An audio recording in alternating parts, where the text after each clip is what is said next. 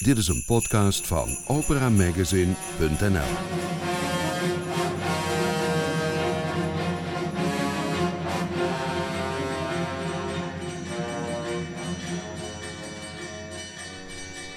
Welkom in Studio Nibelheim. Hier hoort u nieuws, achtergronden en interviews over opera en lied.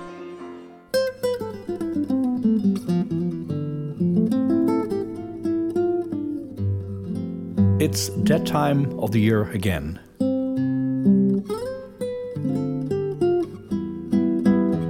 Time for our traditional Christmas special of Studio Nibelheim with a very special guest, tenor Lawrence Brownlee. He is in Amsterdam for his role of Prince Ramiro in La Cenerentola by Rossini. Like many of his colleagues all around the world, he won't be home for Christmas because of his work in the opera. We talked about his work in Amsterdam, his memories of Christmas, and the music that goes with them. About the song cycle, Cycles of My Being, that is a personal statement of Lawrence Brownlee. And we end with Angels, because it's Christmas. Listen to Lawrence Brownlee and his music choices in Studio Nibelheim. Welcome, Lawrence Brownlee. Um, do you recognize this song?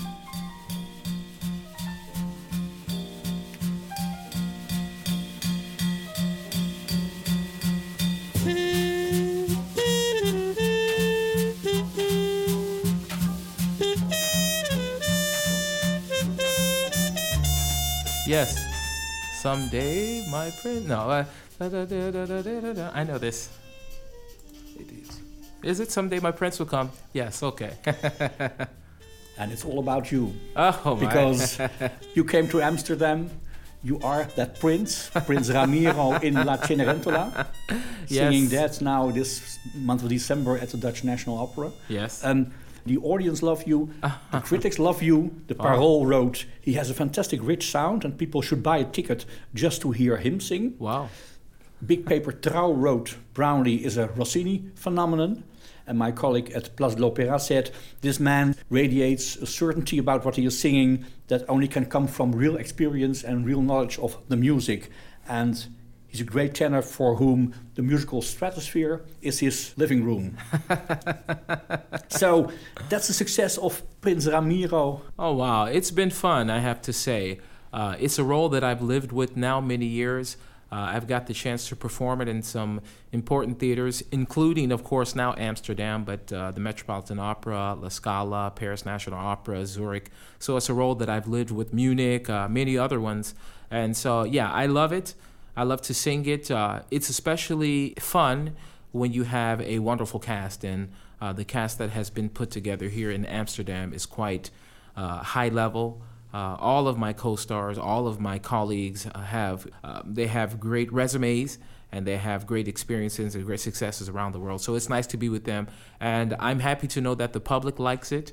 The critics seem to appreciate it, so that makes me uh, feel good about what I've been what I've been doing.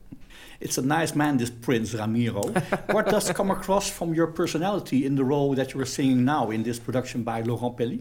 the character for me has developed. I always felt that it was a difficult thing to play, yes, uh, depending on how it's staged. And so uh, the prince has to be in. Um, he has to be in step, I guess, with Dandini, that this plan has been put together so he can really uh, discover who this person is that he's been told about by Alidoro. And so, yes, I try to play him as a very sensible character, someone who's not too hot headed and upset uh, right away, but someone who really wants to understand the gravity of the situation. So I can understand very well that Don Magnifico is quite unkind towards Cenerentola. And I see in everything that she does, she tries to remain good. And so it's her goodness that brings my love to the forefront. Uh, that I really want to know her for who she is, and I say I want you to know me for who I am, and not you know my not my title or my rank. And so uh, they find each other uh, I think, a very pure love that they're drawn together because they're two good people uh, that find each other. Quite different from how you met your wife on a dating site. yes, uh, I met my wife on a site called eHarmony, and uh, it's interesting traveling this world, being on the road close to 10 months a year. Uh, it's easy to meet people very easy to meet people. Uh, but to meet someone who has the uh, the character, who has also the patience and understanding, that's not always easy to find. And you you think that it's really important that a person understands who you are as an artist. And so, thankfully, my wife understands that I'm an artist that has to travel and is on the plane and in lounges and on stages uh, the better part of the year and at home not so much. And at a certain point i always tell her that balance will change and i'll be home a little bit more. But uh, thankfully i have a patient wife who's been uh, understanding that her husband has to miss many days including christmas this year which isn't very fun. But uh, uh, it is you know it is my life. Yeah that's why we're here because you're not at home with Christmas. You're in Amsterdam performing yes. until the end of December the role of Prince Ramiro. Well, we have a Christmas tree. There are lights and we have kerstkransjes. and if you look outside, you see it's snowing. Beautiful snow. Um, let's talk about Christmas in your life. You were born in a family, number four of six children. Yes. And your father, who was a choir master at a church, yes. Baptist church. What's the music that you remember from Christmases, and how did Christmases look? Oh my gosh! Uh, I, I, grew up in a very large church, uh, so a large number of people, and my father was the choir director, as you said, and my mother was the soloist. Uh, three older sisters and a sister younger and a brother younger. So my father always had us involved in music, which was the beginning of my career. Basically, I was, you know, assisting in him, you know, him in the choir and singing and even though I was a little bit shy about singing, I played instruments, and later on, my voice, you know, kind of showed itself, and then people would want me to sing. But we would sing very festive music. Uh, we would sing things from the hymnal. We would st- sing things like uh, uh, "Go Tell It on the Mountain" that Jesus Christ is born. Uh, we would sing uh, "Silent Night." We would sing "Oh Holy Night." So many different things, and so many artists that uh, sang this music. I came from a gospel tradition, and I always tell people that it's really hardcore gospel. And, you know, when people think about gospel, I think the tradition, people think about people like Mahalia Jackson and Clay Evans and James Cleveland and some of these old Andraé Crouch. These are some of the names. But when I was growing up, uh, people like the Hawkins brothers, uh, Milton Brunson, a group called Commissioned, the Clark sisters, uh, James Hall. There's so many names I could mention because I was really, this was my world, and classical music was not at all.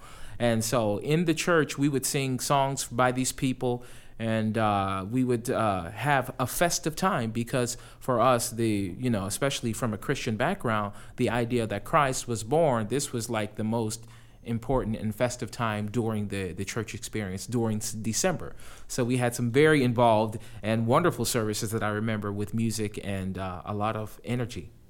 Did the young boy, Lawrence Brownlee, mix that with the feeling of excitement about presents and Santa Claus and were there reindeers in your fantasies? Were there red noses? Well, we we wa- we watched Rudolph the Red-Nosed Reindeer, and we we knew about Frosty the Snowman and all these things, and of course going to school. Yes, all of these more, I guess, um, you know in society these these uh, these referrals of Christmas or these things that made you think about the Christmas experience they were always there uh, and so yes I had those too so we always thought about presents and coming from a large family we didn't get a lot of presents because if we wanted to get a good present it needed to probably be fewer rather than spending money on several gifts that had a lesser value so uh, you know we tried to be as good as we could could in December, so our parents would get us that one special gift we wanted for Christmas. And so, yes, getting gifts was very important, and we tried to uh, do what we could to make sure we got the good ones. Do you remember one that was particularly special for you? I remember probably the most special gift that I ever got. My father and my godfather, they um, split the difference. They went half and half on a scooter for me when I was, I think, 14 years old. And so I couldn't believe it. And I think they had this plan for several months. The two of them said, let's go ahead and get the scooter for him. And so this, uh, I had, I still can't remember that I, they gave me this gift. We talked about music, and you said Ricky Dillard is someone to listen to now. Yes. He sings gospel? Yes. He comes from the real choir tradition. And so, as I said before, with my father being the choir director, and back in those times, in the 1960s and 70s, the choir from my church uh, on a very low level. It wasn't so high, but they used to record albums, and they were quite uh, a, a, very high level I think then, but they didn't make records like we make today. So they recorded, and this ex- this experience from choirs we appreciated. And I said, as I said, some of the other people like James Cleveland and then Milton Brunson and Ricky Dillard, uh, they have this continuation of the choir experience. And so this was my very very first love of music in any form. And so, yes, Ricky Dillard is one of the ones that I spent many years, he and Hezekiah Walker, Fred Hammond, all of these guys listening to their music, and I loved them so much. And so, this got me through many uh, a difficult time listening to this music.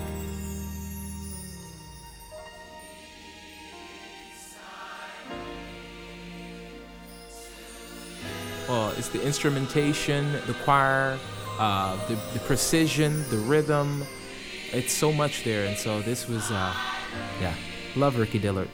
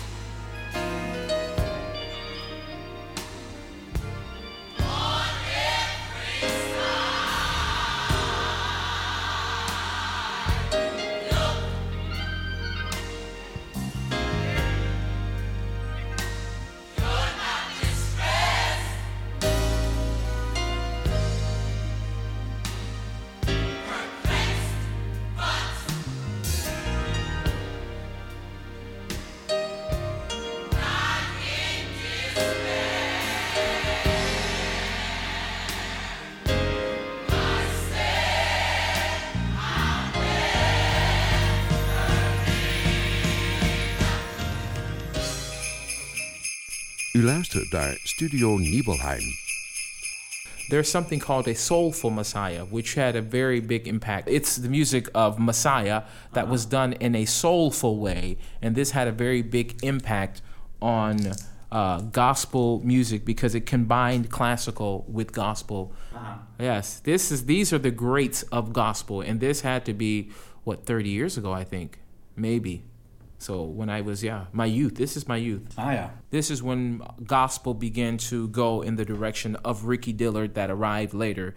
I think it probably introduced a whole uh, subcategory of people to classical music. Some people would not go to buy an album from Handel in the record store for classical music. But now that they have this soulful celebration, they probably said, you know what, I want to see what the original is like. And maybe that was an entryway into classical music, perhaps.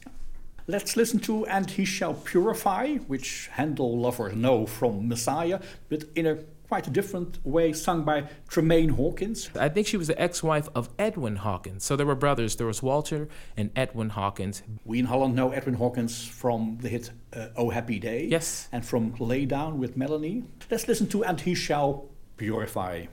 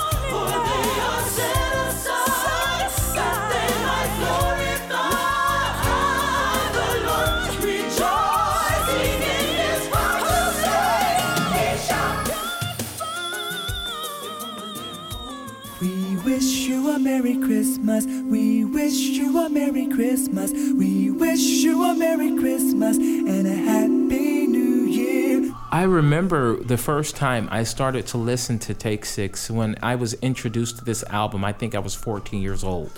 And I remember listening to the album Gold Mine. If you look at my phone today, Gold Mine is on my phone today, and it is one that I often go to listen to Take Six because for me, the mastery of their voices and using them like instruments, I don't think anybody else, in my opinion, and I've listened to many, have ever been able to to compare to. I just think there are many groups that sing vocal jazz, but for Take Six and their harmony, their intricate harmonization, and their intonation for me is perfect. The rhythm is just, it's unbelievable. There's a choice we have on Take Six Christmas, the album, like Oh. Uh, Hark the Herald Angels Sing or Hark the herald angels sing. I think this would be the I, the best uh, representation of their precise and musical harmony. That and so I think probably Hark the Herald Angel Sings. But the whole album. That's the thing about Take Six. There was seldom later on, of course, it happens, but in the beginning especially, there was seldom a piece on their album that I didn't like. I liked everything on every album. I mean, the first one was Gold Mine. The second one was So Much to Say. And these are the albums that I could start them from the beginning and sing every piece through in the tone, knowing the key of the next song before it started to play. And then I would go right back around and do the same thing. I would listen to a CD over and over and over and over and over again. I remember the entire trip. I was traveling from Ohio to Georgia. I would play this in my Walkman, play it, turn it over, play it, start it again, play it. Just the entire 14 hour bus ride we had going from Ohio to Georgia to a convention. And so that's the only thing I remember listening to that tape without s- stopping. must have great memories of Hark the Herald Angels Sing by Take Six. Yes, many Darn. memories. Hark the herald angels sing, glory to the newborn King. Mercy mild, God and sinners reconciled. Joyful the ye nations rise, join the triumph of the skies with the angelic proclaim Christ is born in Bethlehem.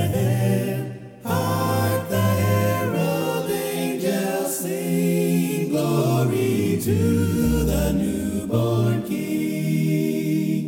Christ by highest heaven adored, Christ the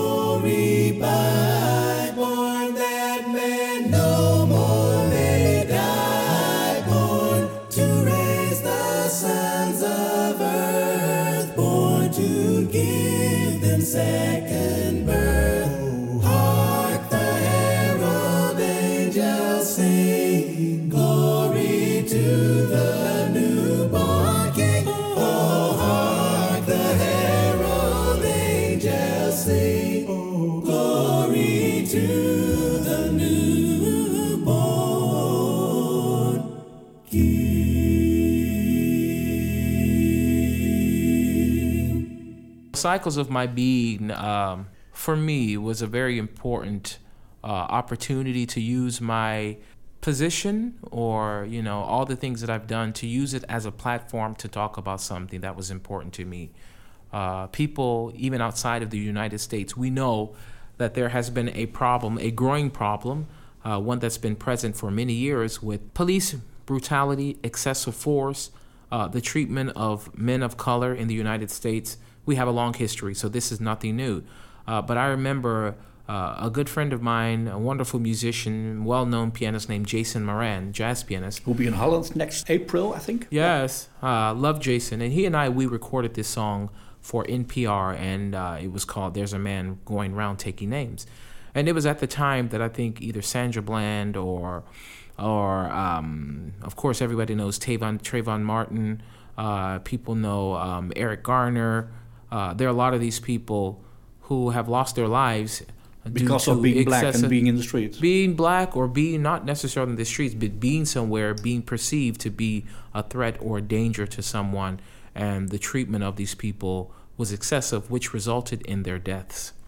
Um, you can argue if if the people that were there that didn't use the excessive force, they would be alive today. But these people felt a threat by these people. So it was during that time we recorded uh, this song, There's a Man Going Around Taking Names. And after this experience, that for both of us was very important to kind of like express or to let out a frustration. Um, you know, I had the idea that I would like to create a song cycle that speaks about the experience of the black man in America.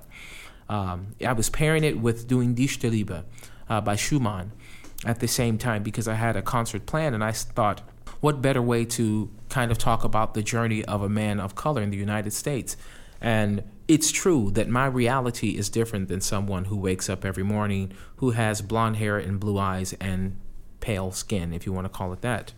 Uh, and so this was an opportunity uh, to partner myself with a wonderful young composer named Tyshawn Sorey uh, and a, a poet, um, writer named Terrence Hayes.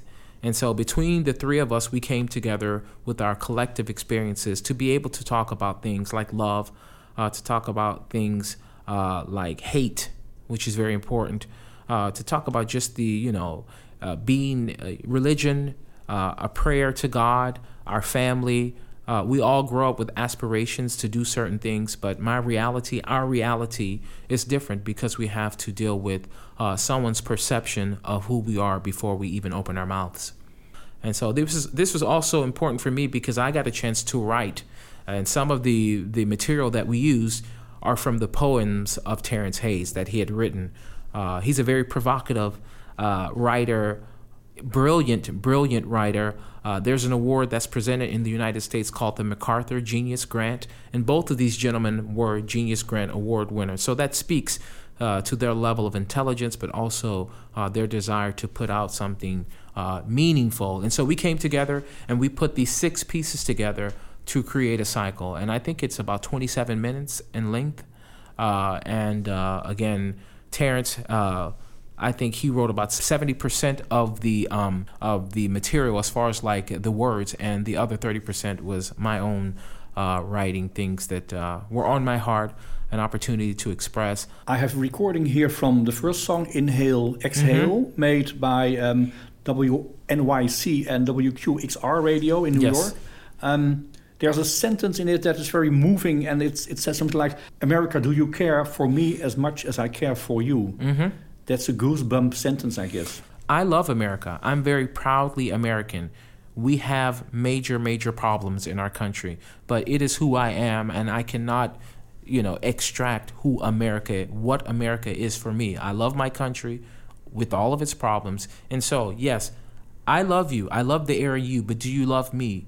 When you will see me and pull me over at a traffic light just because you suspect that I've done something wrong or I'm going to do something wrong or I have the intention in the future of doing something wrong. And this is why, um, you know, it's unfair that people are treated the way they are because usually we're not, people of color are not people in control. And so when you, uh, it's systemic. It's in the police department. It's in government. It's in hiring practices. It's in education. It's in healthcare. There's so many things that happen. It was in the arts. You know, the fact that I am fortunate to be singing, you know, on the world's most important stages. I mean, there's none that's missing for me. I'm fortunate. But in the times past, people who were probably equally talented or more talented didn't have the opportunity based upon their skin color. And so, Cycles of My Being speaks specifically uh, to the hardships that we had to endure as a race, as a, a, a, a bisection of people in the United States who weren't afforded the same things in society. America, we love you, but do you love us the same way we love you? So this was, yes, very chilling. Let's listen to Myra Huang on the piano, but especially to your voice and your lyrics in Inhale, Exhale. Yes.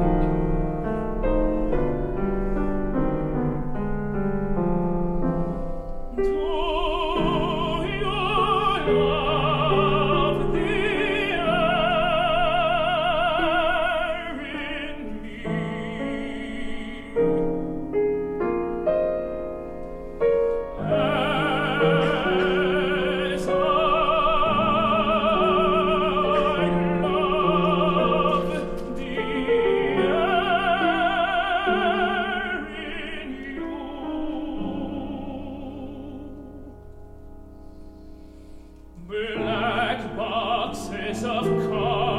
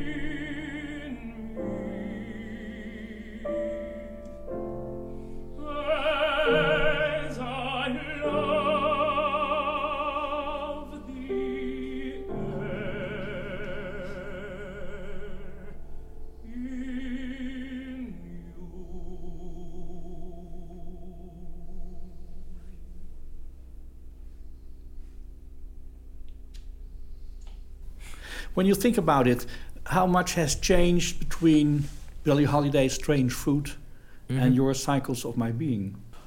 Well, I think um, the problems still exist. And I know the frustration that people like Nina Simone, Billie Holiday, uh, people of the past, even some of the actors, uh, their frustrations were weird, real. Uh, now, fast forward to 2019, 2020, we've already uh, seen a African American president, president in Barack Obama that was eight years. Some of the things that I think were a lot more accepted then are less accepted, but the problem still exists. So th- we've made progress, and the fact that we've seen things, you know, op- doors are being opened for many people in different areas, and we see much more of a integrated society in every respect, and less discrimination and less hate. More inclusive. More inclusive, yes. Is there Christmas music that gives you hope? There's this Christmas music about a bit, bit kitschy, like of love and, and presents and last Christmas I gave you my heart. One of the things that I love to listen to at Christmas time is Andy Williams is the most wonderful time of the year. For me, this is very hopeful. Uh, we go back in time, it's nostalgic, but I think it just exudes uh, a good atmosphere and a good spirit in the air and hope and, and positivity. So, yes, this is one of the songs that I like to listen to. As old as it may seem, it's one of those things that you always go back to. And so, for us to tap into that, I think it makes us all feel really good. Andy Williams, when you walk in a store or somewhere in a bar, Uh, yes, uh, instantly there is a smile on my face. And I begin to sing it. There's in the most wonderful time of the year. I love it, you know, and it lifts me up wherever I am. And I'm usually a happy person for the most part. Uh, but this adds an extra spark when I hear Andy Williams sing this.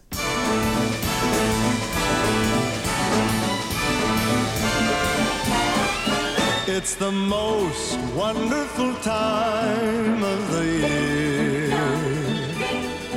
With the kids jingle belling and everyone telling you be of good cheer. It's the most wonderful time of the year. It's the hap- happiest season of all. With those holiday greetings and gay happy meetings when friends come to call.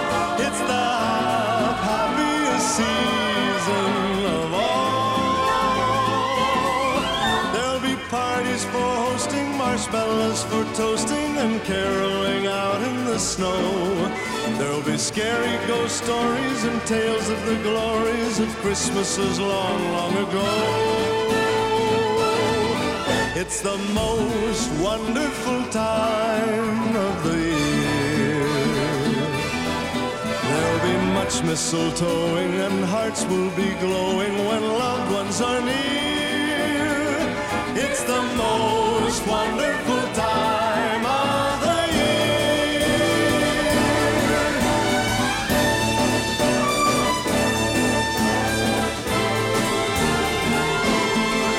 There'll be parties for and caroling out in the snow. There'll be scary ghost stories and tales of the glories of Christmases long, long ago.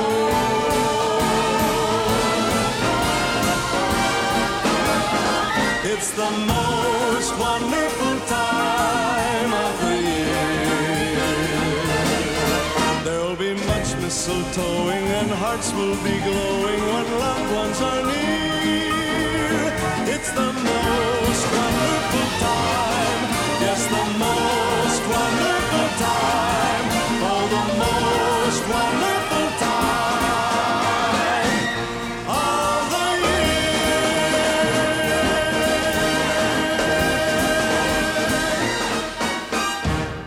Let's end with something that's very special to you. Um, a song called All Night, All Day. Yes. Which brings you back home to your son Caleb. Yes. because it's all about angels and you've said once that you always feel that angels guard them when you're away from home Yes. there are angels are there angels to guard your children and your wife I believe so. You know, you know, especially a person, as I said before, I grew up in the church and I have a faith. I believe in God.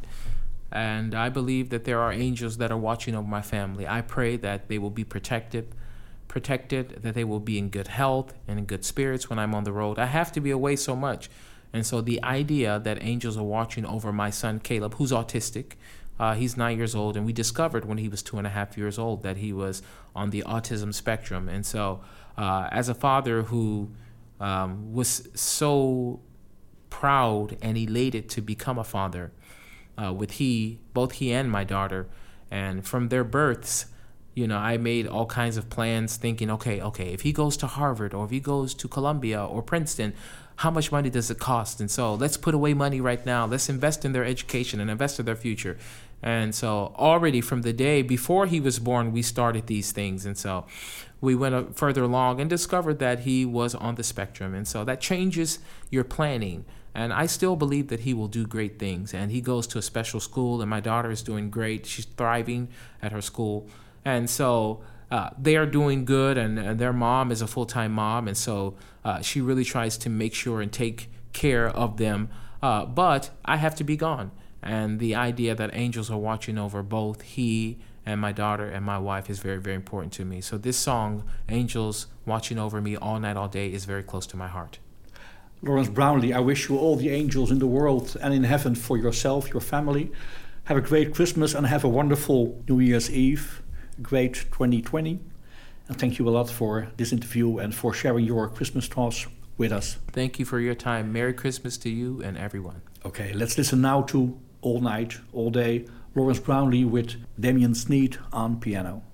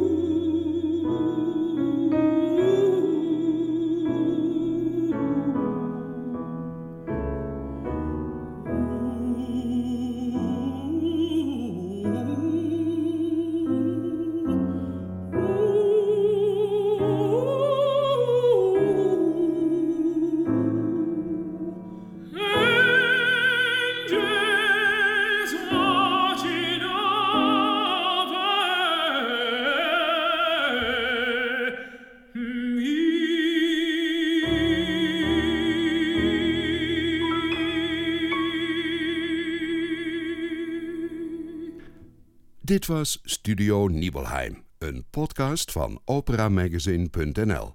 Productie François van den Anker. Kijk voor al het opera nieuws op www.operamagazine.nl.